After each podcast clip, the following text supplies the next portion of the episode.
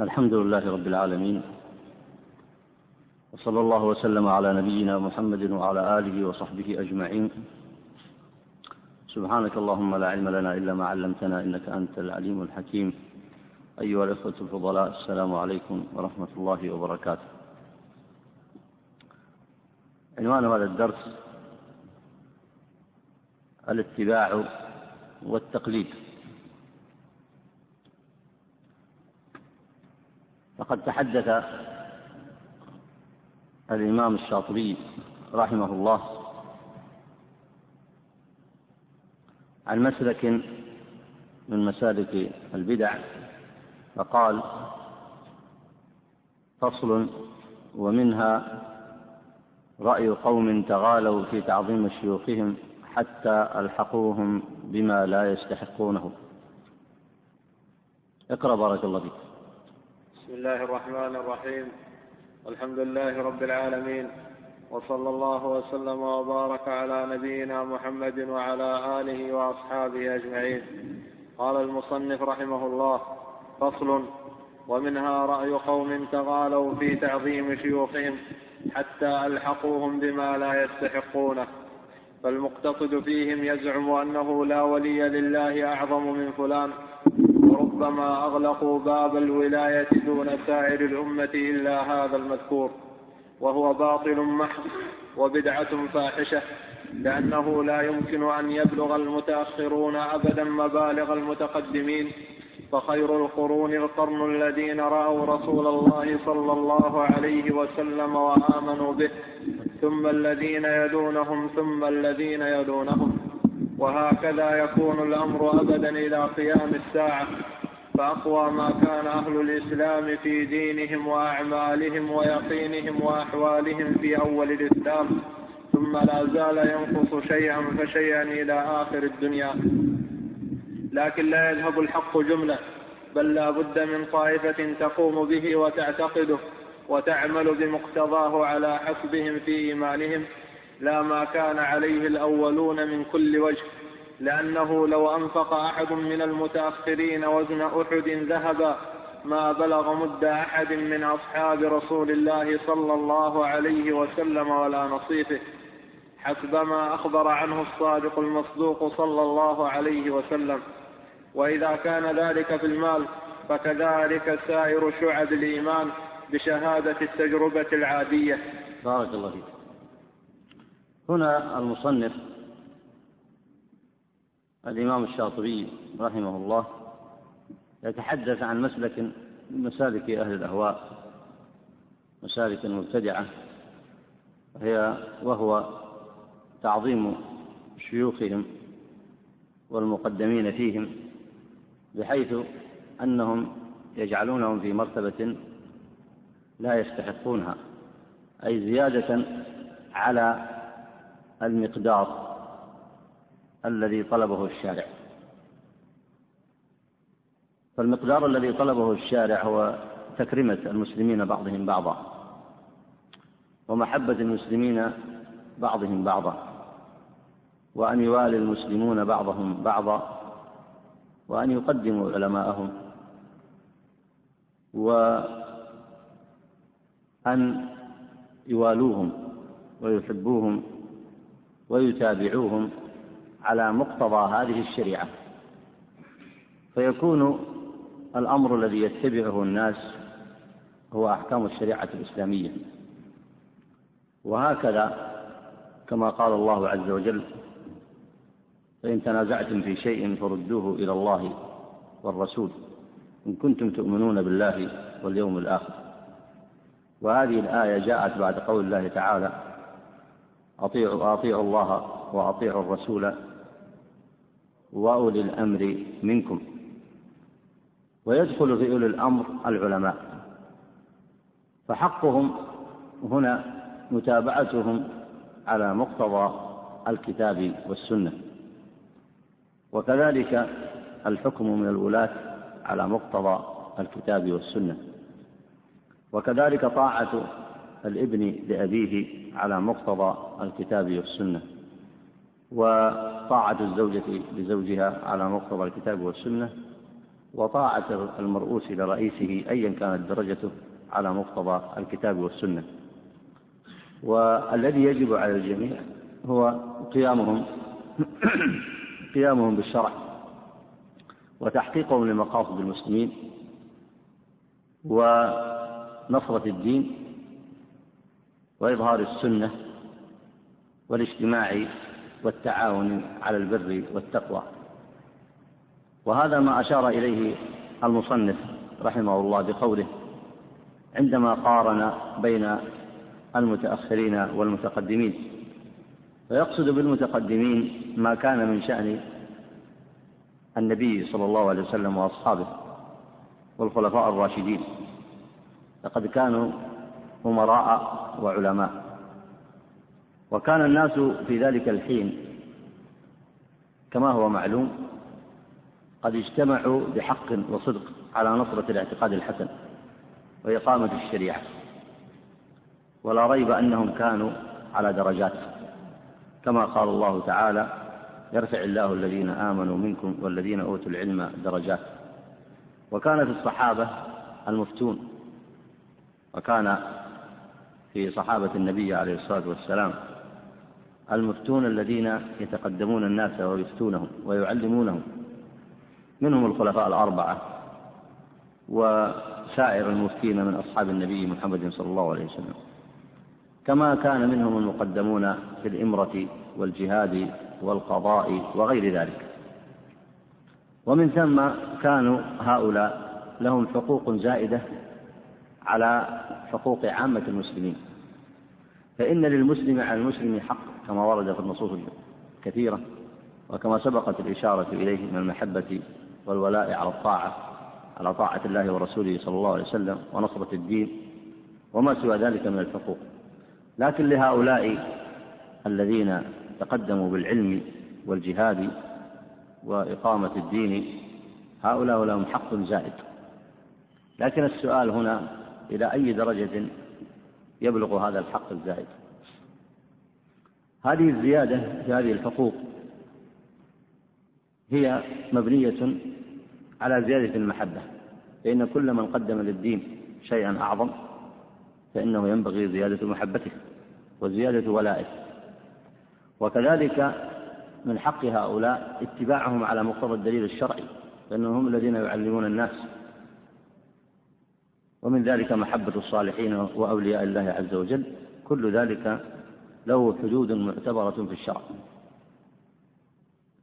هذا الحد الذي حدته الشريعة ظاهر من قول الله تعالى فإن تنازعتم في شيء فردوه إلى الله والرسول إن كنتم تؤمنون بالله واليوم الآخر. فهناك حد فلا طاعة لمخلوق في معصية الله. ولا وليس أحد هناك يطاع لذاته إلا الله. وطاعة الرسول طاعة لله. وطاعة العلماء ينبغي أن تكون طاعة لله. وهكذا كان الصحابة رضوان الله عليه وسلم. فهم يطيعون علماءهم والمتقدمين منهم في الفتوى يطيعونهم لأجل طاعة الله أي بناء على مقتضى شريعة الله فلا يطيعون أحدا في معصية الله. وكذلك يطيعون أمراءهم بمقتضى الكتاب والسنة فلا يطيعون أحدا في معصية الله. فهذا الحد الذي حده الشرع جاء كثير من المتأخرين فتعدوا هذا المقدار. تعدوا هذا الحد. وكما قال المصنف هنا فغلوا فيه فقدموا شيوخهم وعظموهم وأعطوهم ما لا يستحقون. سيتحدث المصنف عن هذا القدر الذي أعطوهم إياه وهم لا يستحقونه.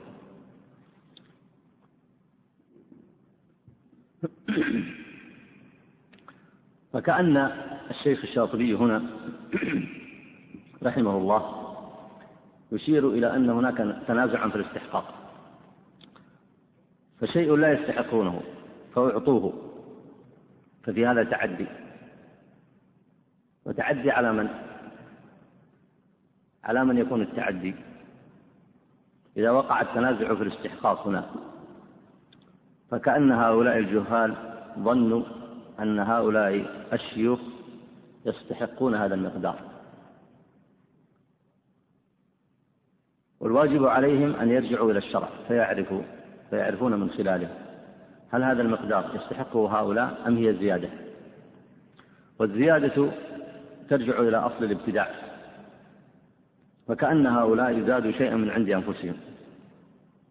فمن ذلك أنهم يصفونهم بأوصاف لا يستحقونها. فيظنون مثلا أنه لا يخطئ. فيترتب على ذلك أنه لا يلام ولا يثرب عليه. ومن المقدار الزائد الذي أعطوهم إياه أنه لا يسأل عما يقول. ومن الذي يجرؤ أن يسأله؟ ومن المقدار الزائد أنهم ادعوا له الولاية. ثم تدرجوا في هذا درجات. فاختصروا الولاية وأولياء الله هم المؤمنون كما قال الله عز وجل ألا إن أولياء الله لا خوف عليهم ولا هم يحزنون الذين آمنوا وكانوا يتقون. فهؤلاء هم أولياء الله وهم أهل الإيمان. فاختصروا هؤلاء كلهم حتى جعلوا الولاية في نفر قليل من الناس يعدون على الأصابع عشرة أو عشرين. ثم اختصروهم. وما زالوا كذلك حتى حصروا هذا الاستحقاق في نفر معين من شيوخهم. هذا تعدي. ثم تطاول بالناس الزمان وكثر الابتداع حتى جعلوا لهؤلاء مقامات لم تكن لصحابة النبي عليه الصلاة والسلام. فالناس كانوا يعلمون في الجيل الأول وهكذا تربى هذه الأمة. وإذا لم تربى هذه الأمة على هذا الأصل فإنها لن تقوم بمهمتها. كان الناس يعلمون أن أبا بكر وعمر وعثمان أو علي رضي الله عنهم أجمعين وسائر أئمة الصحابة كانوا يعلمون أن هؤلاء قدموا فيهم ليحكموهم بكتاب الله وسنة النبي عليه الصلاة والسلام. وكانوا يعلمون أنهم قدموا فيهم لأنهم أهل الجهاد والدعوة والصلاح والخير. وكانوا يعلمون أنهم يتبعونهم لأنهم يفتونهم بكتاب الله وسنة النبي محمد صلى الله عليه وسلم ويحكمون فيه بمقتضى شريعة الله.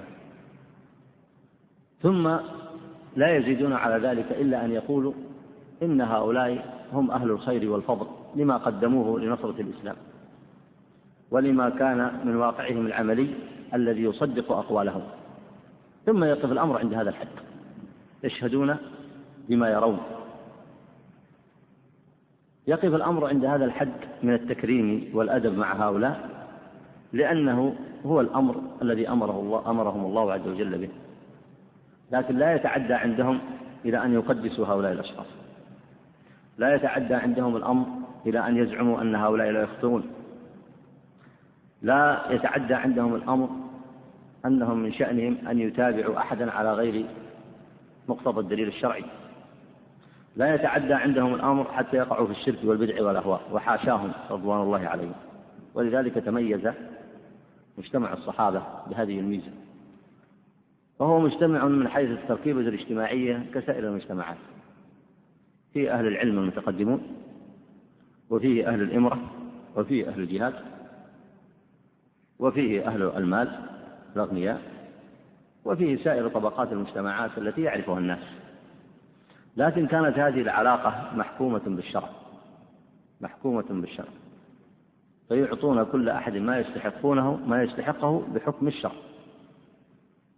وهكذا أدبهم النبي عليه الصلاة والسلام. أما كثير من المتأخرين لما دخلتهم الأهواء فرضوا على الناس أمورا لم ينزل الله بها من سلطان. فظل كل طائفة ظلت كل طائفة آه، تعظم مقدميها بغير مقتضى الشريعة. فإما أن يعتبر أهل الإحداث أن ذلك من من الهيبة أن ذلك من زيادة الهيبة. فهؤلاء المشايخ لابد أن تكون لهم زيادة هيبة. وكيف تكون هيبتهم؟ أنهم لا يسألون عما يقولون. لا يسألون عن الدليل الشرعي. تتابعهم ولا تسألهم عن الدليل الشرعي. فماذا صنعوا؟ ماذا صنع هؤلاء الجهلة من المتأخرين؟ زادوا في ذلك حتى طأطأوا لهم الرؤوس. ووافقوهم على معصية الله. وزعموا أنهم أولياء الله. ولم يسألوهم عن مقتضى الدليل الشرعي. ثم تعدى الأمر بأهل الشرك إلى أن وصلوا أنهم يعبدونهم ويصرفون لهم العبادة من دون الله. وكما سيورد المصنف أنهم يدعون في هؤلاء المقدمين فيهم أنهم يساوون النبي أو يكادون. فانظر كيف انتقل الناس من مرحلة التعاون على البر والتقوى ونصرة الشريعة والتحاكم إليها من الكبير والصغير. والأدب مع هذه الشريعة انتقلوا عن ذلك الأمر الذي كان عليه النبي عليه الصلاة والسلام وأصحابه حتى أصبح بعضهم يتبع بعضهم بعضا على التقليد لا على الدليل الشرعي. وهو ما يشير إليه المصنف في هذا الباب.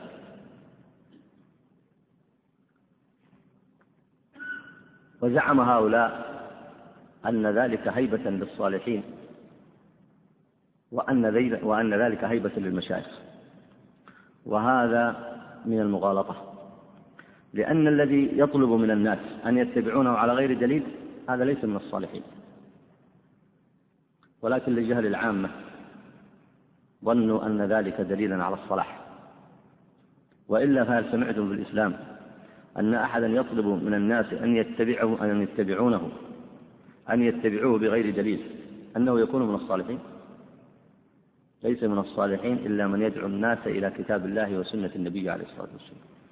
ولذلك اشتهر في السلف رضوان الله عليهم أنهم لا يخضعون الناس لهم. لا يخضعون الناس لهم. لا في المجالس ولا في التعامل. بل يطلبون من الناس أن يتعلموا العلم. ثم يسألهم الناس عن ذلك. فيخبرونهم أن ما قالوه هو مقتضى الدليل الشرعي. وما لم يعرفوه يقولون الله أعلم. ولا يخضعون الناس لأنفسهم. وذلك قد تعلمه الصحابة من النبي عليه الصلاة والسلام. فإن الأعرابي كان يدخل إلى مجلس النبي عليه الصلاة والسلام في بعض الأحيان ولا يعرفه. أرأيتم لو كان متميزا عنهم في مجالسه عادة في كل شيء أفلا يعرفه الناس؟ ثم لما دخل إلى المدينة النبي عليه الصلاة والسلام كثير من الناس لم يكن يميز بينه وبين أبي بكر رضي الله عنه. وكذلك كان الصحابة رضوان الله عليهم. فاستحدث الناس في آخر الزمان ما سموه بالهيبة للسلاطين أو ما سموه بالهيبة للمشيخة والمتفقهة. فزادوا في ذلك وغلوا حتى أعطوا هؤلاء ما لا يستحقونه وهو ما يشير إليه المصنف قال حتى ألحقوهم بما لا يستحقونه. ثم صرفوا لهم أشياء لا يجوز صرفها إلا لله من التقديس والتعظيم والغلو في المحبة والمتابعة على غير دليل. فأنت إذا أطعت إنسانا لذاته لأنه شيخ تطيعه بغير دليل ولا تسأله عن الدليل فإنك أشبه أن تكون قد أطعته طاعة لذاته وهذه طاعة شركية. فإنه لا يجوز أن يطاع أحد لذاته إلا الله. والرسول عليه الصلاة والسلام مبلغ عن ربه شاهد بالحق قائم به يبلغه سماه الله داعيا ومبشرا وسراجا منيرا. لكن لا يأتي بشيء إلا من عند إلا من عند الله. ولذلك لما أوقف الله عنه الوحي في مكة عليه الصلاة والسلام لما سألته قريش عن قصة أصحاب الكهف وعن الروح. فقال لهم إني أنبئكم بهذا القول غدا. فأوقف الله عنه الوحي شهرا. أكان يستطيع أن يأتي بشيء من عنده؟ لم يكن يستطيع أن يأتي بشيء من عنده لأنه لا يقول على الله عليه الصلاة والسلام لا يقول على الله إلا الحق. فانتظر حتى جاءه الوحي. وكذلك الأصل في المجتهدين فإنه لا يجوز لأحد أن يقول في كلمة كبيرة ولا صغيرة إلا بمقتضى اجتهاد شرعي ودليل شرعي. وكذلك الأصل في الناس لا يجوز أن يتبعوا أحدا على قول إلا باجتهاد منهم أن قوله ذلك موافق لكتاب الله وسنة النبي عليه الصلاة والسلام. فإن جاء العالم فقال بشيء بغير اجتهاد شرعي فإن ذلك مخالف للشريعة. وإن جاء الإنسان فاتبع أحدا على غير مقتضى الدليل الشرعي فإنه أيضا مخالف للشريعة. فيكون الحاكم على الجميع ما هو؟ الشرع وكذلك يريدنا الله سبحانه وتعالى لأن الله خلقنا لعبادته واتباع شريعته. هذا المنهج له أهمية عظيمة له أهمية لسائر الأمة وله أهمية للعلماء وله أهمية للأمراء. وله أهمية لطلاب العلم. لأن الناس إذا تابع بعضهم بعض على الشريعة فإنها تخف مسؤولياتهم. لأنك لا تتبع إنسانا إلا بالدليل. فعليه إذن أن يقيم الشرع ويحكم به. لكن إذا إذا تتابع الناس على الباطل فإنها تكثر مسؤولياتهم في الآخرة لأنهم مسؤولون أمام الله عز وجل. ثم أيضا يصبح الناس تبعا يتبع بعضهم بعضا على غير بينة وهذه آفة. ولذلك حرم الله التقليد. ولم تبنى هذه الأمة على هذا الأساس لأن هذا الأساس يفسدها. فهذا المنهج يستحق كلاما طويلا ومحاضرات طويلة وهو من النقص الذي دخل على هذه الأمة فأضعفها. فأصبح كثير من الناس لا يقدم ولا يؤخر وإنما مهمته اتباع الآخرين. ثم نشأت الطرق الصوفية التي سيتكلم عنها المصنف فتتابع الناس على هذه الطرق لا يقدمون ولا يؤخرون وإنما يتبعون مشايخهم وإن كانوا ضلالا. ثم تتابع الناس في سائر أمورهم على هذا النحو إلا من رحم الله.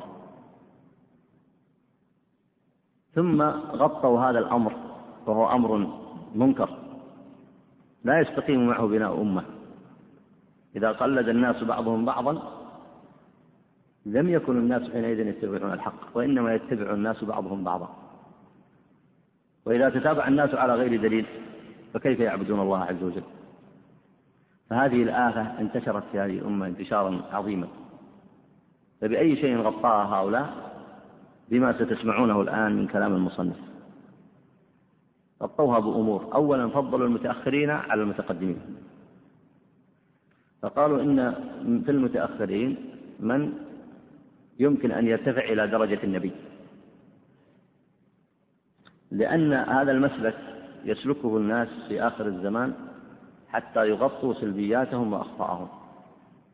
إذا قايستهم بالمتقدمين قلت لم يكن هذا في عهد النبي عليه الصلاة والسلام ولا في أصحابه. وما كانت الأمة تربى على التقليد المذموم. فيقولون لا في المتأخرين قوم يستحقون أن يتابعوا وهم في منزلة النبي كما زعم كثير من أهل التصوف. ثم يتابع الناس على غير الشريعة ويغطى ذلك باسم الهيبة والسلطان ومصلحة الأمة. ولا يزال الناس في هذا الأسلوب يتتابعون على الباطل وهم لا يشعرون. فإذا ذكرتهم قلت هكذا كان الناس يعملون. وقد مضى معكم في هذا الكتاب أن الإمام الشاطبي رحمه الله تحدث عما أحدثه أهل السلطان من الرسوم في قرون مضت. بماذا عللوه؟ قالوا ذلك هيبة للسلطان هيبة له. وقد أنكر ذلك وبين الصواب فيه. وكذلك يصنع الناس إذا تابع بعضهم بعضا على غير دليل. لا بد أن يغطوا هذا الانحراف بمثل هذه التأويلات الفاسدة. فأول ما بدأ كما سيتحدث المصنف قالوا إن الصالحين منازلهم رفيعة ومعظمون. فكيف يحق لك أن تعترض عليهم؟ وهؤلاء المشايخ معظمون. فكيف يحق لك أن تعترض عليهم؟ طبعا على طريقة المتقدمين من الصحابة الجواب سهل. نقول نعم لهم منزلتهم وكرامتهم. لكن من قال لك أن سؤالهم عن الدليل؟ اعتراض وتنزيل من حقهم. ومن قال لك أن مناقشتهم والأخذ والعطاء معهم لمعرفة هل اتبعوا في هذه المسألة الشرع أو أخطأوا فيه من قال ذلك أن ذلك منقصة لحقهم وأن ذلك منقصة للصالحين؟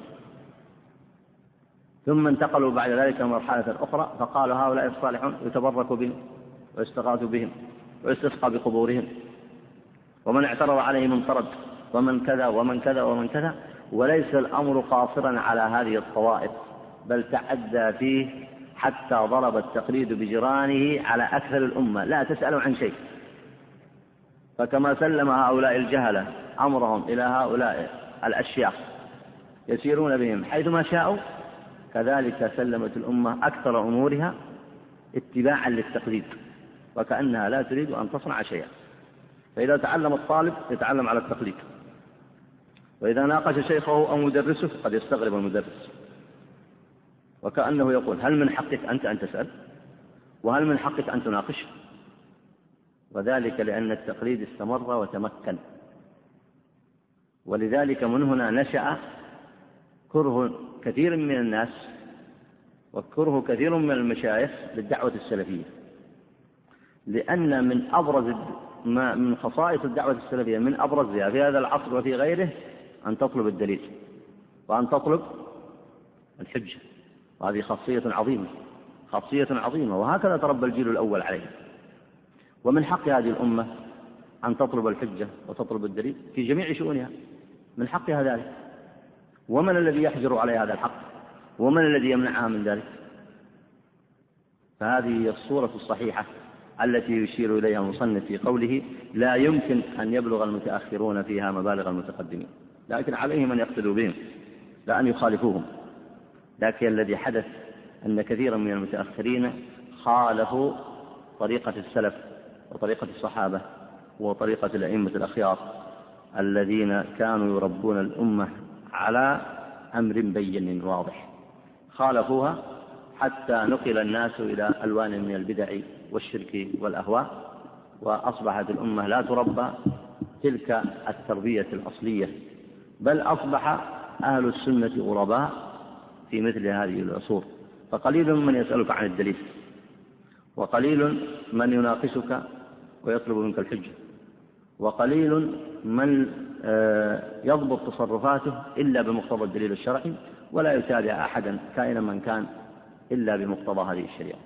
قليل أولئك الذين يصنعون ذلك لكن نسأل الله عز وجل أن يمن علينا وعليكم بخير وأن يجعلنا ممن يتبعون الدليل الشرعي ويطلبون العلم على أساس بين.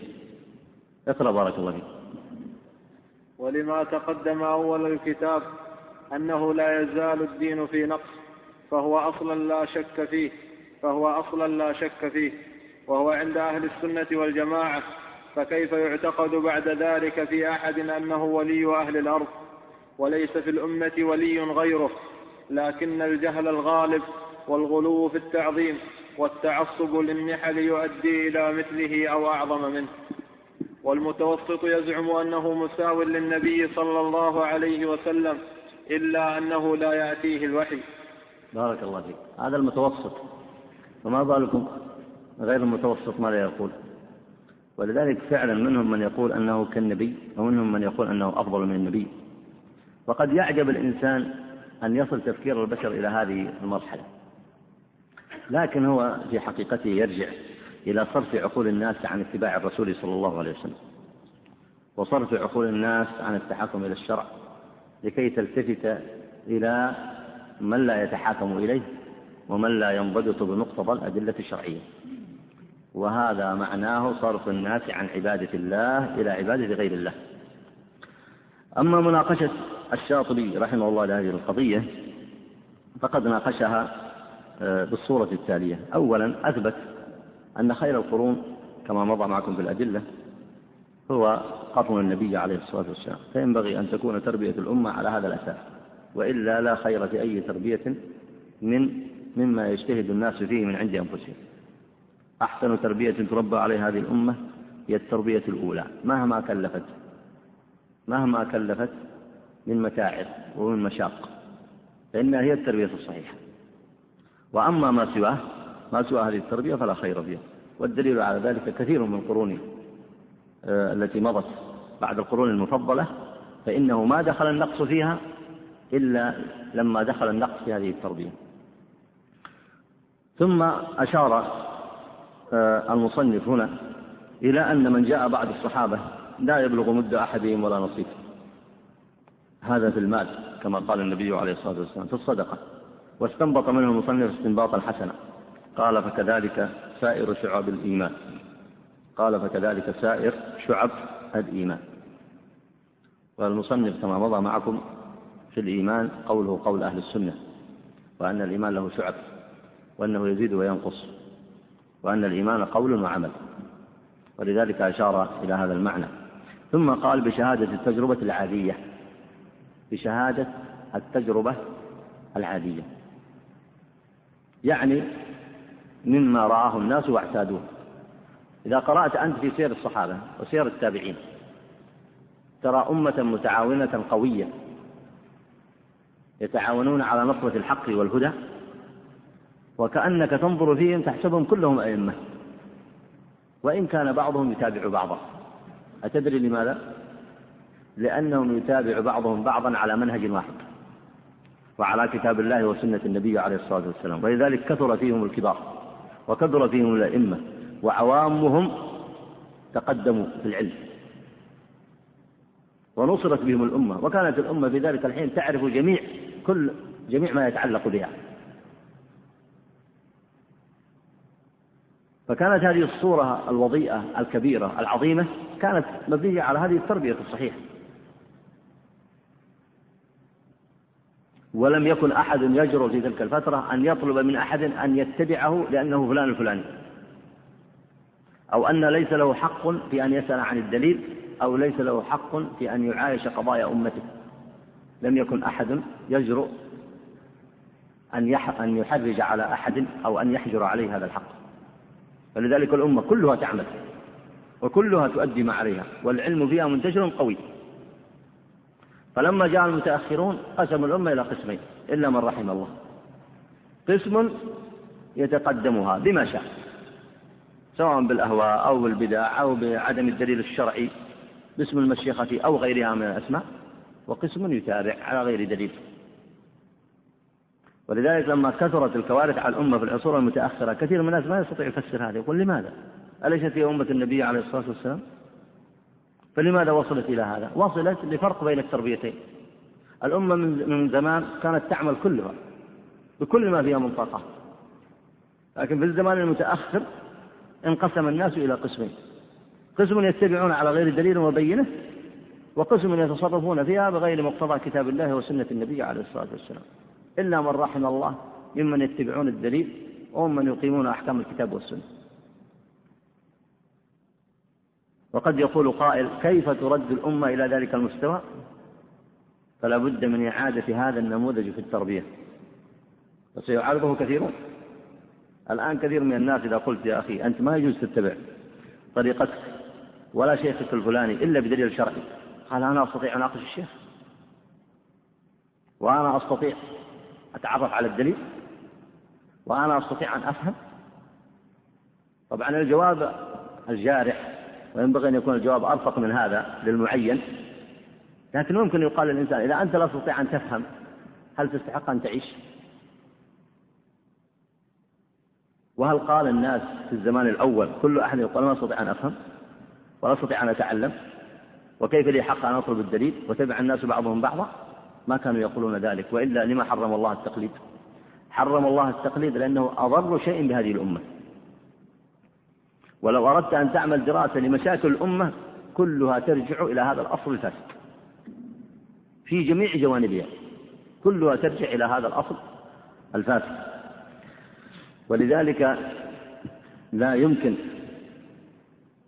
آه، أن يصلح آخر هذه الأمة إلا كما قال الإمام مالك رحمه الله. لا يصلح آخر هذه الأمة إلا بما صلح به أولها. ولذلك إلى فترة الأئمة الأربعة كان الناس كالمجمعين على أنه لا يجوز لأحد أن يقول بقول أحد إلا أن يعلم دليله. وقد يستثنى في بعض المسائل الدقيقة يستثنى الأمر للضرورة.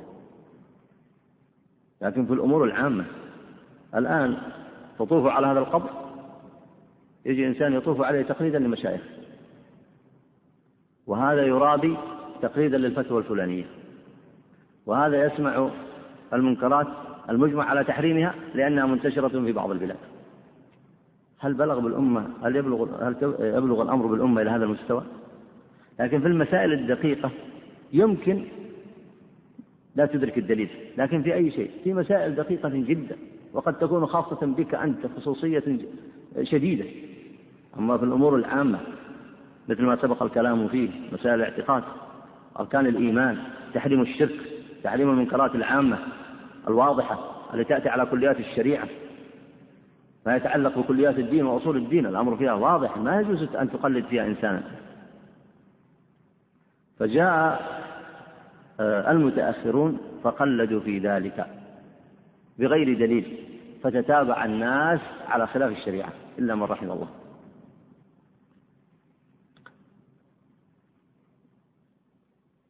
وما ذكره المصنف هنا من قوله أنهم يزعمون أن الشيخ قد يكون مساويا للنبي هذا قد يستغربه من لا يطلع على كثير من الكتب عند المتأخرين. وأعود إلى الأئمة الأربعة وأذكر خاصيتين أجمعوا عليهما. الخاصية الأولى أنه لا يجوز أن يتابع أحد منهم إلا على دليل ولا يجوز لك أن تتابع أحدا منهم إلا إذا عرفت دليلهم. وقد يظن أن أن قد يظن كثير من الناس أن في ذلك تشديدا. لكن الأئمة كانوا يقدرون الأمة رحمهم الله. وما كانوا يجيبون عليها أن تتبع أن تتبعهم بغير دليل وما كانوا يريدون أن يربوها على ذلك. لكن لما جاء أصحابهم الذين قرب عهدهم بالأئمة كانوا يلتزمون بذلك. فلما تتابع الناس في العصور المتأخرة نسوا حظا مما ذكروا به. فصاروا يتابعون هؤلاء الأئمة بغير دليل. الخاصية الثانية ويا ليتهم طبعا يتابعونهم متابعة صحيحة بل يختلقون مذاهب. ويختلقون آراء. ويختلقون بدعا وينسبونها إلى هؤلاء الأئمة زورا وبهتانا. الخاصية الأخرى في مذاهبهم أنهم قالوا إذا صح الحديث كل واحد منهم قال إذا صح الحديث فهو مذهبي. وهذا فيه فائدة تربوية عظيمة. فإن هؤلاء الأئمة يريدون أن يربطوا الناس بالكتاب والسنة لا أن يربطوا الناس بذواتهم.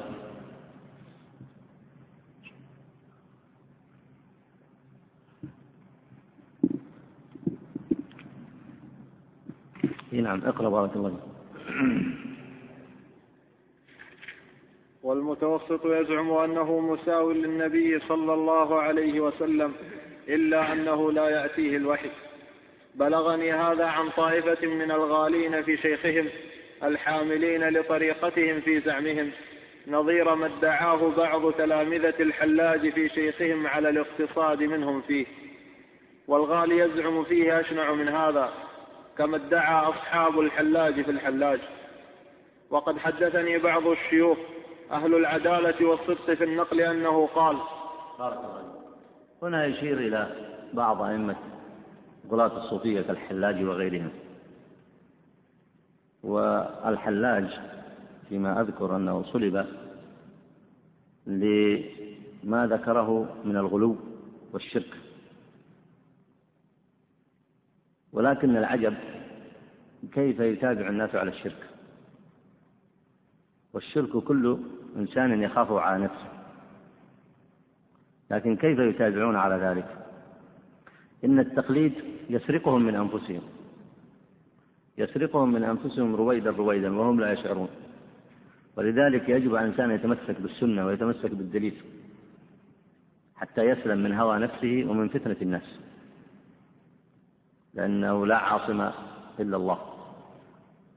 فمن اعتصم بكتاب الله وسنة الرسول صلى الله عليه وسلم فقد اعتصم. ومن لم يعتصم بذلك فهو على شفا جرف هار. فيأتونهم بهذه الصورة. أولا هؤلاء شيوخ معظمون. ثم يقولون هؤلاء دائما يرتقون في الولاية.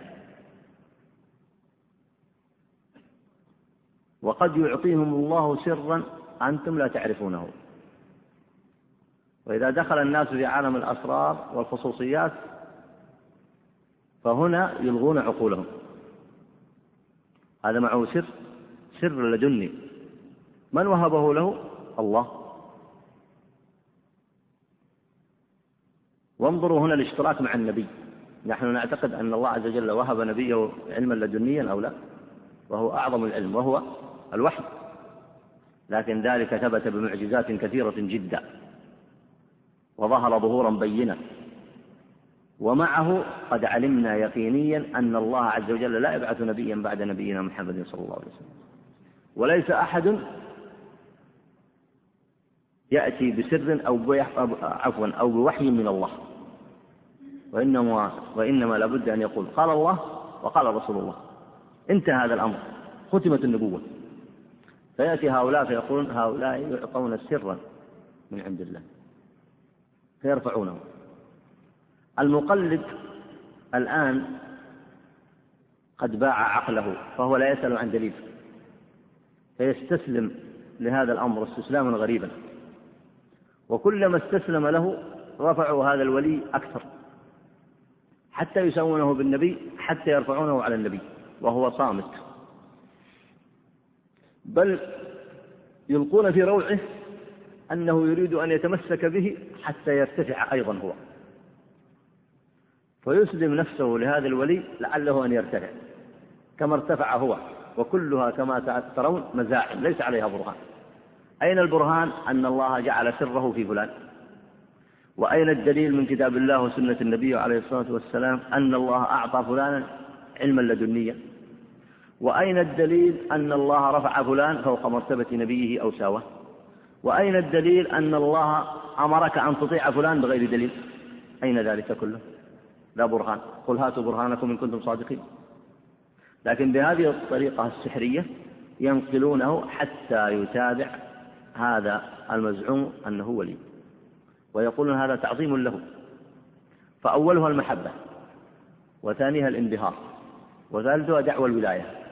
ورابعها التعظيم ثم التبرك ثم الخضوع ثم إسلام النفس له. ثم بعد ذلك يأخذك هو إلى حيث شاء. وإياك أن تسأل بعد ذلك عن شيء. هذا الذي يذكره سيذكر له قصة عجيبة هنا. وأعود مرة أخرى وأقول إن هذا التقليد لم يقتصر على هذه الطوائف بل شاع في طوائف كثيرة. بل يراد للأمة أن تربى على هذا المنهج إلا من رحم الله عز وجل. فهو إن كان في مسألة التصوف ظاهر الغلو فيه لكن هناك درجات دون هذا ولكنها خطيرة أيضا. هناك درجات دون هذا الغلو لكنها أيضا خطيرة. واقرأ هذه القصة العجيبة التي ينقلها الإمام الشاطبي. اقرأ بارك الله وقد حدثني بعض الشيوخ أهل العدالة والصدق في النقل أنه قال أقمت زمانا في بعض قرى البادية وفيها من هذه الطائفة المشار إليها كثير. قال فخرجت يوما من منزلي لبعض شأني فرأيت رجلين منهم قاعدين يتحدثان فاتهمت أنهما يتحدثان في بعض فروع طريقتهم فقربت منهما على استخفاء لأسمع من كلامهم إذ من شأنهم الاستخفاء بأسرارهم فتحدثا في شيخهم وعظم منزلته وأنه لا أحد في الدنيا مثله. فقال أحدهما للآخر أتحب الحق؟ هو النبي. قال نعم. وطرب يعني تحب أني أقول لك الصراحة وأقول لك الحق؟ فكأنه قال نعم قل الحق. قال هو النبي. يعني أنت بعد لم تبين منزلته. فالآخر يقول إنه النبي. أي نعم. فقال أحدهما للآخر أتحب الحق؟ هو النبي. قال نعم. وطربا لهذه المقالة طربا عظيما. ثم قال أحدهما للآخر أتحب الحق؟ هو كذا. قال نعم هذا هو الحق. قال المخبر لي فقمت من ذلك المكان فارا أن تصيبني معهم قارعة. الله المستعان. نعم. والطوائف البدعية تبني على هذه القاعدة على درجات. على درجات في التفاوت في الغلو. ولذلك يكرهون المنهج السلفي كرها عجيبا. لأنه يفسد عليهم هذا الترتيب. هذا الترتيب في استغفال العوام وتمرير القضايا عليهم بدون دليل ومحاولة أخذ ولاءهم على غير الكتاب والسنة ومحاولة إقناعهم أن مهمتك هي الاتباع ومهمتنا هي الترشيد. فنحن أدرى بالمصلحة وأعرف فأنت ما عليك إذا أردت المصلحة في الدنيا والنجاة إلا أن تتبعنا. فيأخذون الناس بهذا المنهج وينسجون لهم أساطير أساطير.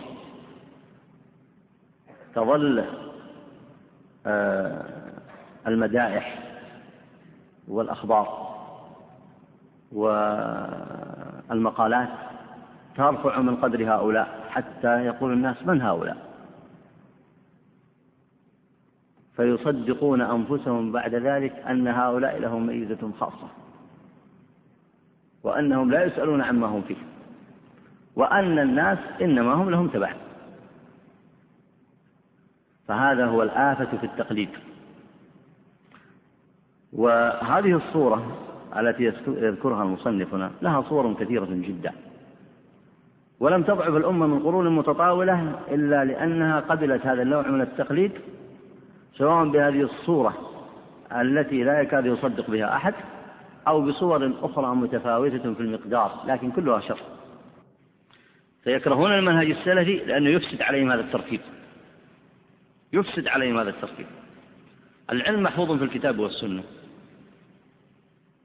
وليس لأحد أن يدعي أن عنده علم جديد. أي واحد يقول أنا عندي علم جديد غير الذي في الكتاب والسنة يقول يقول تقول له هذه الأمة أنت كذاب دجال من الدجاجلة وليس لأحد أن يحاكم هذه الأمة إلى غير الكتاب والسنة. وإلا ستقول له الأمة لو كانت على وعي أنت دجال من الدجاجلة لكن من أين يأتي هذا الوضوح؟ أن يقتنع كل إنسان أو على الأقل هذه الأمة في أكثرها أن تقتنع أنها لا تتبع شيئا إلا بدليل وأنها لا تحكم ولا تحاكم ولا تخضع ولا تتبع إلا مقتضى الكتاب والسنة. فإذا جاء هؤلاء الدجاجلة يريدون أن يأخذونها لمثل هذا ماذا تقول؟ تقول لا. أين دعواكم أنه مثل النبي؟ أو دون النبي ويقبل قوله بدون دليل أين هذا؟ هل عندكم برهان؟ فلا يجد الدجاجلة برهانا. فيبقون في العراء مكشوفين لما يصنعونه بهذه الأمة من هذه التهاويل ومن هذه الخرافات.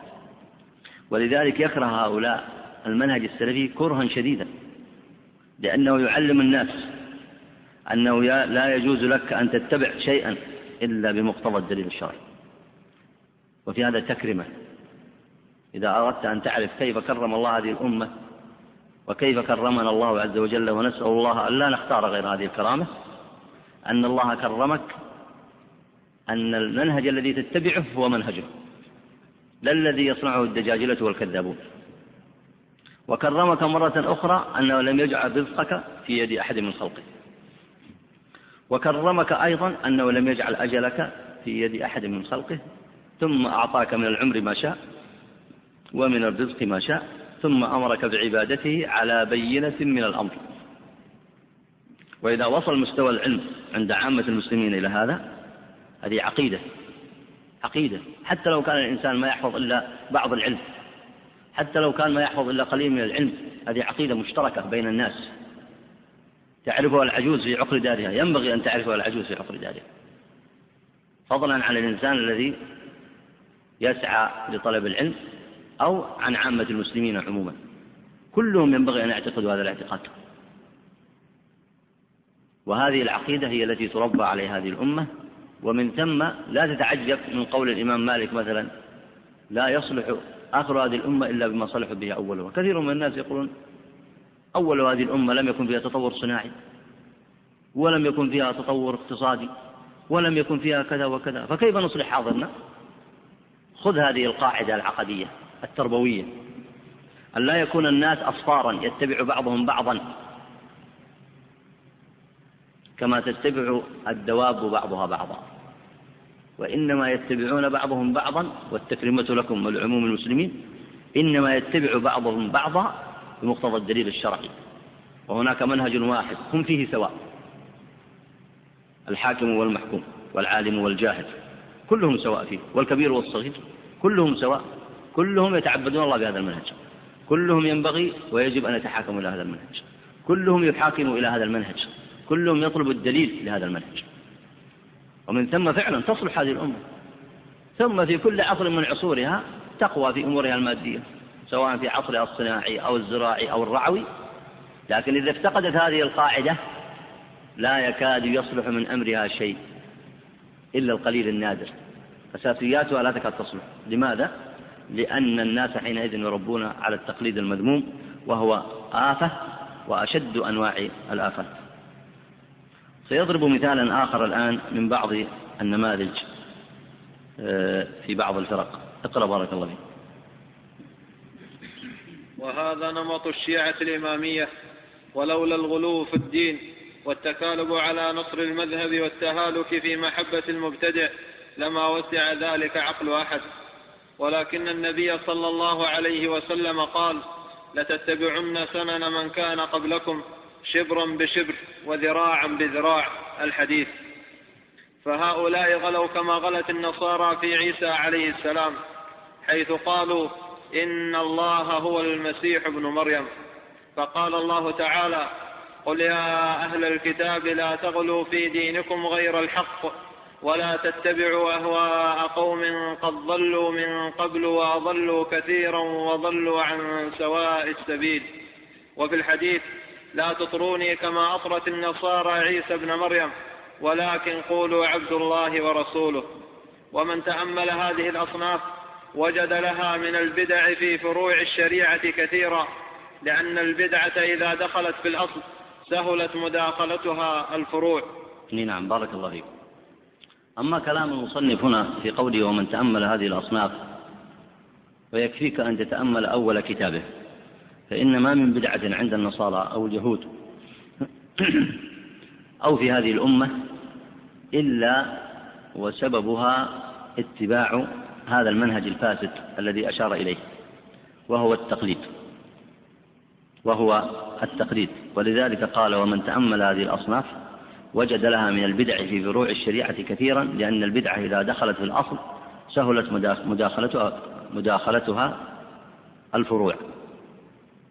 فهنا تتكاثر البدع وتصبح منهجا. وارجع إلى تعريف الشاطبي في أول الكتاب البدعة طريقة في الدين مخترعة وتصبح منهج. ثم تكثر المناهج في هذه الأمة المناهج المخالفة للكتاب والسنة ويتتابع الناس عليها. كل ذلك بسبب تركهم المنهج التربوي الذي كان عليه آه، الجيل الأول في هذه الأمة. أما مقارنة الإمام الشاطبي هذه البدع ببدع النصارى فهي كما سلف معكم خاصية هذا الكتاب. فمن أراد أن يعرف خاصية هذا الكتاب فليتتبع هذه المواضع. ولعله من المناسب قبل إتمام هذا الدرس أن يكون هناك تكليف بعموم الطلاب لمن رغب في ذلك.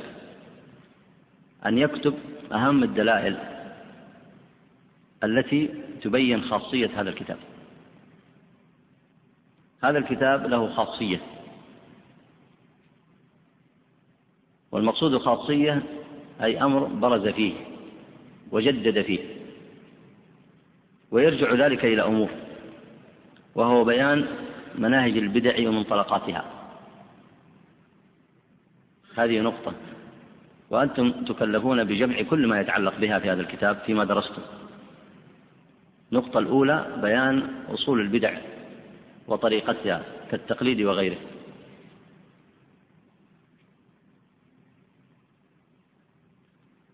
الأمر الثاني بيان خطر التشريع من دون الله. الذي حدث عند النصارى وعند الأمم الأخرى. الأمر الثالث بيان الغلو الذي حدث في الأمم الأخرى.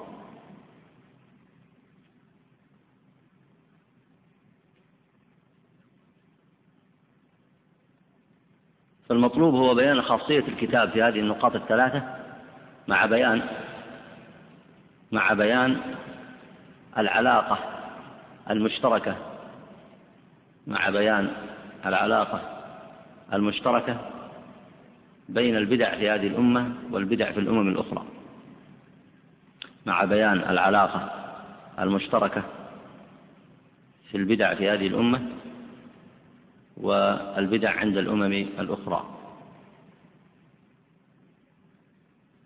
ثم النقطة الأخيرة هو بيان منهج المصنف وأدلته التفصيلية في الرد على تلك الانحرافات. بيان منهج المصنف وأدلتها التفصيلية في الرد على تلك الانحرافات.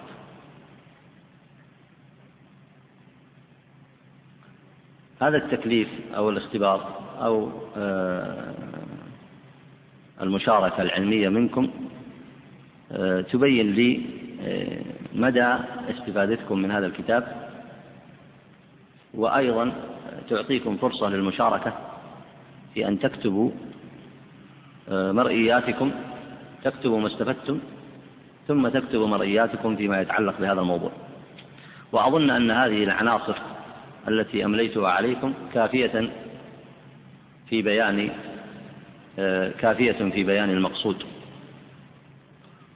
وأمر آخر أيضا يشير إليه قبل أن آه، أنتهي من هذا الدرس فإني أستحسن إيقاف الدرس في آه، الأسبوع القادم إن شاء الله لتتهيأوا للاختبارات ونتهيأ جميعا نحن للاختبارات.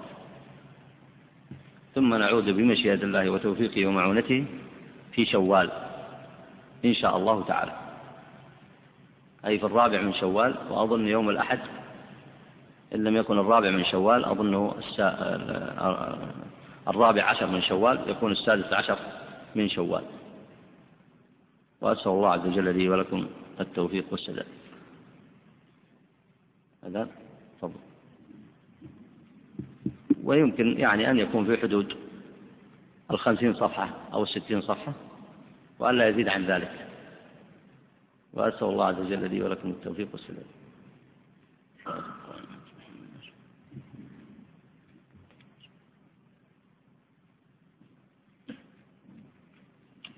هذه المسألة التي ختم بها الشاطبي هذا الفصل وهي حديثه عن النبي عليه الصلاة والسلام لتتبعن سنن من كان قبلكم شبرا بشبر وذراعا بذراع. هذه أيضا من خاصية كتابه وهي أنه إذا أراد أن يعالج أمر الفرق فإنه لا يعالجها إلا بالطريقة المثلى وهي بالطريقة الأولى فهو يعلم علم اليقين كغيره من العلماء أن ما من أمر أحدث في هذه الأمة إلا وهو كائن في الأمم التي قبلها. ومعنى ذلك أن الأمة تصل إلى درجة من التقليد بحيث أنها تقلد نوعين من البدع والمحدثات. النوع الأول الذي تحدثه هو من نفسها عند نفسها. وإن صحت العبارة أن تتبع صناعتها المحلية لهذه البدع لأن بعض البدع نشأت في هذه الأمة. هم أنشأوها أنفسهم. والنوع الثاني من التقليد تقلد البدع التي عند الأمم الأخرى. فانظر كيف يصبح حالها. من داخلها تستحدث, تستحدث بدعا كثيرة جدا في أبواب كثيرة. ومن الخارج تأتي بالبدع والمحدثات في العقائد والدين والشرائع. والأصل فيها ما هو؟ الأصل فيها أن تعمل ضد ذلك في الأمرين.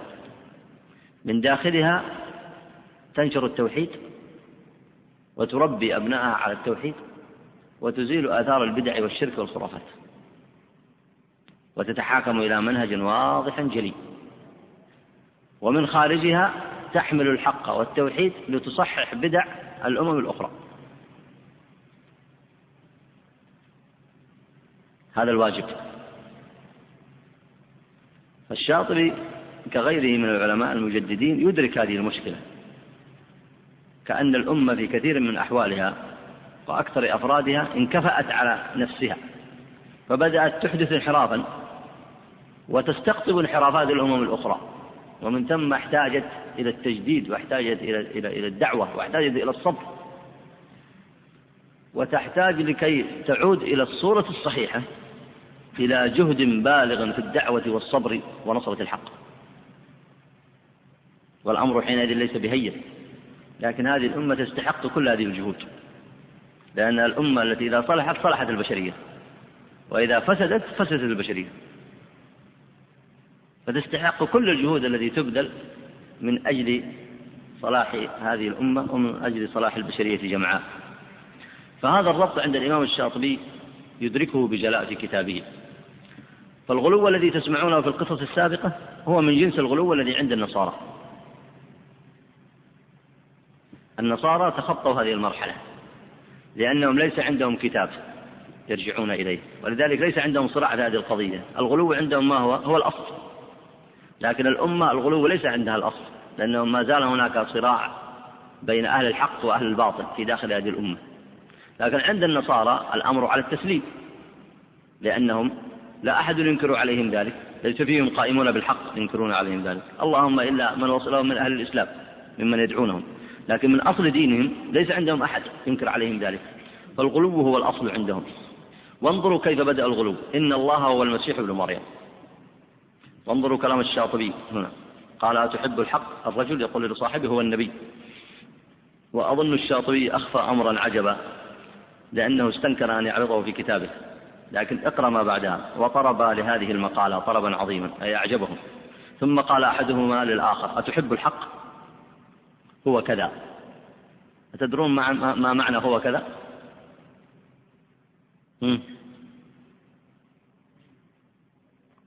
يعني نقله نقلة عجيبة. يقول ما هو ما هو بس هو النبي هو شيء آخر. إن الله هو المسيح ابن مريم. فهذه الأصول المشتركة تدلك على أن هذه الأمة إذا لم تقم بالواجب عليها فإنها لابد أن تستتبع محدثات وبدع الأمم الأخرى. ثم نهاهم الله عن ذلك. قل يا أهل الكتاب لا تغلوا في دينكم غير الحق. ولا تتبعوا أهواء قوم قد ضلوا من قبل وأضلوا. وكذلك يقال لمن ضل في هذه الأمة. يقال له هذا. ولذلك لما تذكر انحرافات أهل الكتاب كان بعض الناس يحاول أن ينزل بعض الآيات عليهم. فيقول هذه الآيات لا تخص المسلمين. فكان بعض السلف الفقهاء من أئمة الصحابة يقولون ألكم كل حلوة؟ ولهم كل مرة. إذا صنعتم مثل صنيعهم فما الذي يعطيكم الحصانة في أنكم لا يبين لكم الحق ولا ينكر عليكم؟ فانظر هنا قد ضلوا من قبل وأضلوا كثيرا وضلوا عن سواء السبيل. لكن لما يكون المنهج هو المحكم وأن الناس جميعا اتبعوا لهذا المنهج لن يكون هناك ضلال عن سواء السبيل لأن المنهج هو الذي يقود المنهج هو الذي يقود الجميع. وأما معالجة آه، التدرج إن صح التعبير عند أهل الأهواء في التأثير على الناس من نقلهم من الانحرافات الصغيرة فالصغيرة ثم التي أكبر منها فهو مشار إليه في الحديث. فقد قال النبي عليه الصلاة والسلام لا تطروني كما أطرت النصارى عيسى بن مريم. لماذا؟ مع أن لا تطروني هنا أي لا تبالغون في المديح. لكن كان النبي يخاف ما هو أخطر من ذلك لأنه إذا بالغ الناس في المديح يرتفعون إلى درجة أعلى فيأخذون شيئا من صفات النبي عليه الصلاة والسلام فيضعونها على من؟ على البشر ويأخذون شيئا من صفات الله فيضعونها للنبي عليه الصلاة والسلام. وهكذا عد إلى أصل الباب الذي يتكلم عنه الشاطبي وهو أن يعظمونهم فيعطوهم ما لا يستحقونه. ينتزعون شيئا من صفات الله فيعطونها للنبي. ثم يأتون فينتزعون صفات من النبي فيعطونها للبشر. ولو سرقوها مباشرة من عند الله ثم أعطوها للبشر ما يقبل الناس منهم. فلا بد أن يقفوا في المرحلة الوسطى فيعطوها للنبي فيرفعه منزلته فوق ما وضعه الله فيها. فيقول الناس هذا بشر وهو النبي عليه الصلاة والسلام فيعلم الغيب. وبشر ينزل الغيث كما زعم بعض الغلاة. ثم يقولون وكذلك البشر الآخرون يمكن أن يصلوا إلى هذه الدرجة. فيقولون من هم؟ فيقول نحن. فيأخذوا فيسرقون هذه الصفات لهم أيضا. فهذا معنى أنهم يأخذون ما لا يستحقونه. ثم يأمرون الناس أن يتبعوهم. ويخضعون بين أيديهم. هذا هو من جنس شرك النصارى.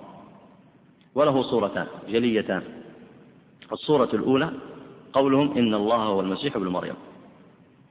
فإذا أعطوا المسيح ابن مريم هذه المنزلة ورفعوه جاءوا للرهبان والأحبار فأخذوا لهم مما أعطوه لعيسى من الصفات التي أصلا هو لا يستحقها عليه السلام. ثم أعطوها لمن؟ لمن دونه. الصورة الثانية هي إعطاء الأحبار والرهبان حق التشريع للناس وأن يحكموهم بغير منهج الله وأن يحكموهم ويحاكموهم إلى غير الشريعة الإسلامية وهذا حق لله ليس لأحد. ولذلك أنكره الله عز وجل في قوله تعالى أم لهم شركاء؟ شرعوا لهم من الدين ما لم يأذن به الله. أي هل هناك شركاء؟ يعبدون من دوني وأخذ الناس هذا الحق الذي لي وهو لله سبحانه وتعالى وهو أنني الذي أشرع له الأحكام وأنزل عليهم القرآن والذي والذي أشرع لهم فيه الأحكام هل أحد أخذ أخذ هذا الحق فأعطاه لغيري؟ فالجواب نعم هؤلاء صنعوا ذلك هكذا صنع المشركون ولذلك أجمع العلماء على تحريم التشريع من دون الله أجمع العلماء على تحريم التشريع من دون الله ومثله أيضا أجمعوا على تحريم الاجتهاد من غير دليل شرعي.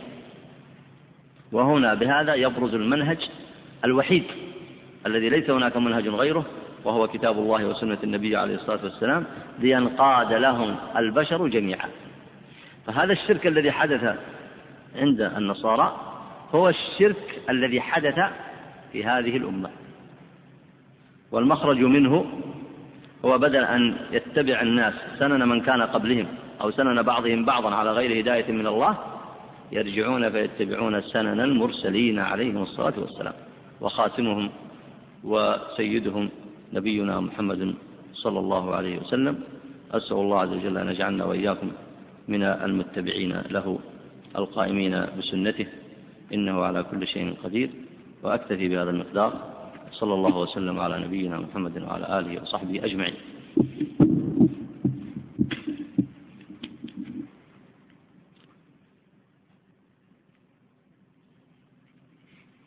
إذا موعدنا إن شاء الله في في شوال بمشيئة الله تعالى. وأستعرض هذه الأسئلة. السؤال الأول يقول هل الأفضل أن يطلب العلم على يد شيخ أم يكتفى بالقراءة في كتب أهل العلم. لا بد من الكتاب ولا بد من الشيخ. وسيأتي معكم في آخر كتاب الاعتصام. إن أحيانا الله وإياكم لإنهاء هذا الكتاب. ويسر لنا ذلك. إن المسألة الأخيرة التي اختتم بها الشاطبي كتابه قال رحمه الله إن العلم كان في صدور الرجال ثم انتقل وأصبح في بطون الكتب ولكن لا بد من الرجال. لا بد من الكتاب ولا بد من الرجال وهذا أمر أكرم الله به هذه الأمة. فأما إذا أخذت من الكتاب بدون معلم فقد تخطئ في فهم بعض الأمور فلا بد لك من معلم. وإذا كان لك معلم فلا بد أن تعلم أنك تتعلم منه العلم بالدليل الشرعي. أنك تتعلم منه الدليل العلم بالدليل الشرعي. وبهذا تجمع بين الدليل الذي في الكتاب وبين الدليل الذي يقوله المعلم. وما اشتبه عليك فلك حق النظر والسؤال والمكاشفة والمناقشة حتى تعلم أن ذلك من الدين الذي تبرأ به الذمة. إي نعم. وأما في المسائل الدقيقة كما هو معلوم وهذا سؤال أيضا من الأسئلة التي وردت هنا أما إذا كان من المسائل الدقيقة جدا فلا يضرك أن تقلد فيها آه، للضرورة. وهذا يصنعه العلماء بعضهم مع بعض. لكن هذه الشبهة لا تجيز التقليد مطلقا. فتأمل هذا تأملوا هذا رحمكم الله. المسألة الدقيقة قد يأتي عالم مثلا في مسألة من دقائق الطلاق أو غيرها فيقلد غيره. أو كما قال أهل العلم يستظهر بغيره.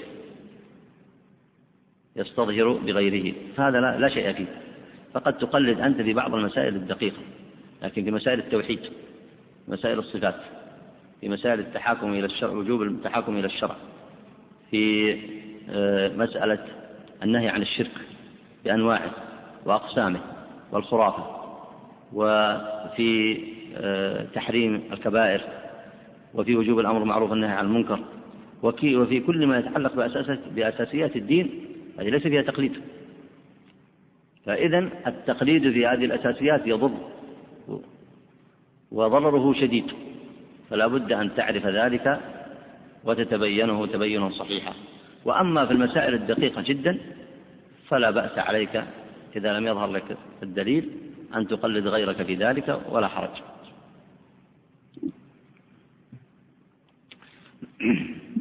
يقول السائل ذهبت إلى وليمة عرس. وباركت للعريسين ودعوت لهما لكنني لم أجلس لوجود كثير من المنكرات. فيقول هل علي من حرج؟ فالجواب أنه ليس عليك حرج في ذلك بل أنت قمت بالواجب.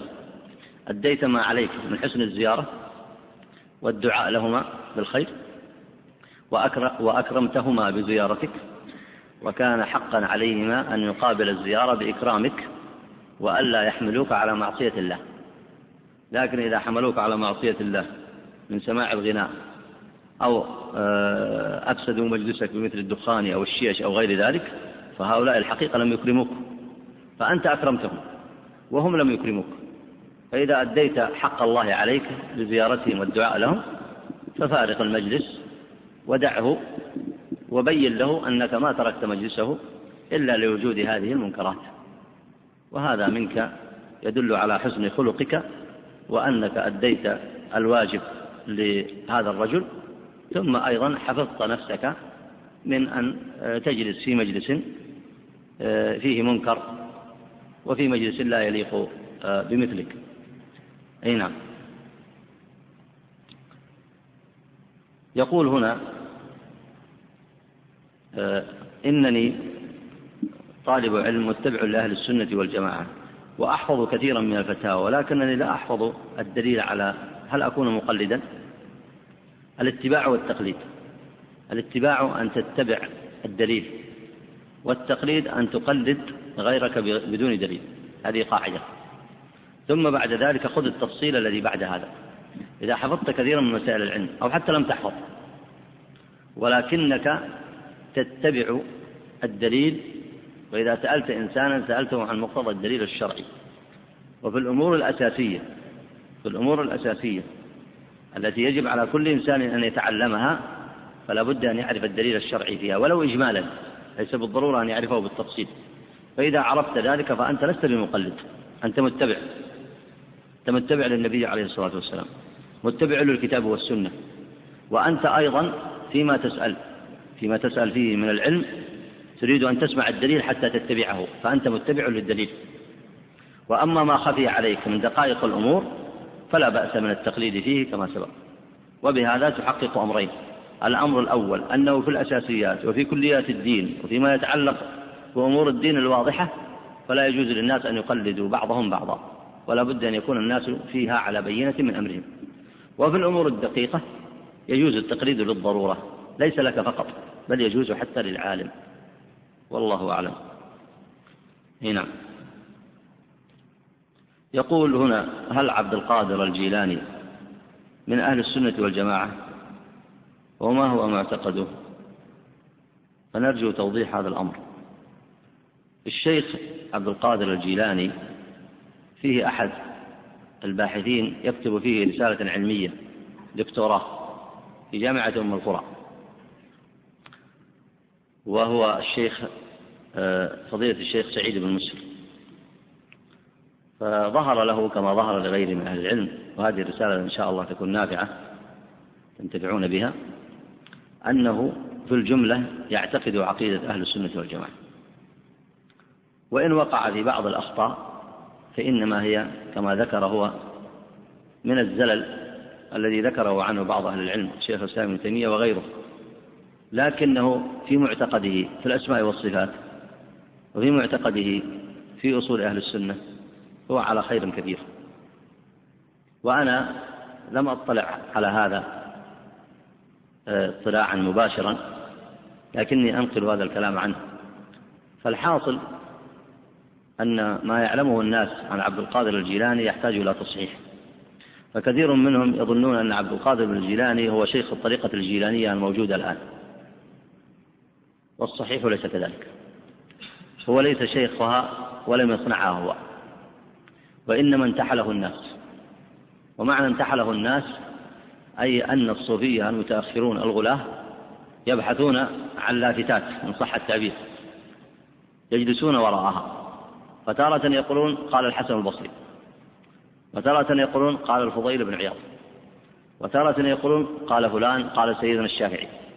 وتارة يقولون قال سيدنا مالك. ومالك لم يأمرهم بالطواف على القبور ولم يأذن لهم في البدع التي يحدثونها. والشافعي ينكر الشرك كله ومخالفة سنة النبي عليه الصلاة والسلام. لكن هؤلاء يظهرون هؤلاء الأئمة كلافتات ويندسون وراءهم وينسبون لهم كذبا وبطلانا ما لم يقولوه. فكذلك صنعوا في عبد القادر الجيلاني. فكان رجلا صالحا تقيا وهو آه، من أهل العراق. ثم انتحلوا له طريقة معينة فجعلوها باسمه حتى تروج تروج عند العوام حتى تروج عند العوام. إي نعم. يقول هذا السائل هل يوجد من أهل الكتاب والكفار المشركين عند خروج المهدي؟ وهل يدخلون في الإسلام جميعهم في زمان المهدي؟ الجواب أن هذا لا يعلمه إلا الله. وخروج المهدي كما ورد بالأحاديث الصحيحة وأنه يحكم الأرض سبع سنين يملأها عدلا وقسطا لا يعني أن كل الأرض ستكون تحت قبضته وملكه وأن الناس كلهم سيسلمون لا يعني هذا وهذا في علم الله عز وجل لا يعلمه إلا هو. يقول هل ثبت أن آدم عليه السلام رأى الله عز وجل عندما كان يعيش في الجنة قبل النزول على الأرض؟ الله أعلم. يقول هنا كيف يفتتن الناس بالدجال في زمن المهدي والدين قائم والناس متمسكون بالدين؟ هذا مثل السؤال السابق. هو يظن إذا خرج المهدي أن الناس كلهم سيكونون على قلب رجل واحد وهذا يحتاج إلى دليل. فانتشار الخير والحق في زمن المهدي لا يعني أن الحق يعم الأرض كلها. ثم إن وجود الدجال أول ما يخرج مع الدجال سبعون ألف من يهود أصبهان من إيران. يخرجون معه ويتابعونه ثم يفسدون في الأرض ثم ينزل الله عز وجل عيسى عليه السلام فيقتل الدجال ثم آه، تتحرر الأرض في تلك الفترة من الفساد. وفي بعض الروايات ظهر أن المهدي آه، يكون في آخر عهده مع عيسى لكن هذا الأمر كله يحتاج إلى تفصيل. ويحتاج إلى آه، ترتيب وأكثر ما يتعلق بأمارات الساعة. العلماء يذكرونها وبعضهم يرتبها وبعضهم لا يجزم فيها بشيء. لكن المجزوم فيه أن عيسى عليه السلام ينزل في آخر الزمان ويقتل الدجال ومن تبعه من اليهود سواء من يهود أصبهان أو غيرهم. ثم يمكن الله عز وجل وهذه جولة عيسى تأتي أصلا بعد جولة المهدي ويظهر أيضا من آه، ما ورد في الأحاديث أن هناك جولة قبل المهدي كما ورد في بعض الآثار وهذا علم عند الله سبحانه وتعالى. يقول آه، هل الذي يموت آه، قصاصا في الدنيا تكون له كفارة إذا تاب؟ يكون القتل له كفارة إذا تاب؟ كالزاني في الجلد والرجم؟ المحصنين. ذكر أهل العلم أن القاتل إذا تاب وقتل فإن ذلك كفارة له في الجملة أي في أكثر شأنه لأن الله يقبل التوبة عن عباده والقتل وهو العقوبة التي أصابته في الدنيا تكون سببا له من أسباب التكفير أي أنه يكفر الله عز وجل عنه بذلك واستثنوا أمرا معينا وهو حق المقتول في الآخرة. حق المقتول في الآخرة.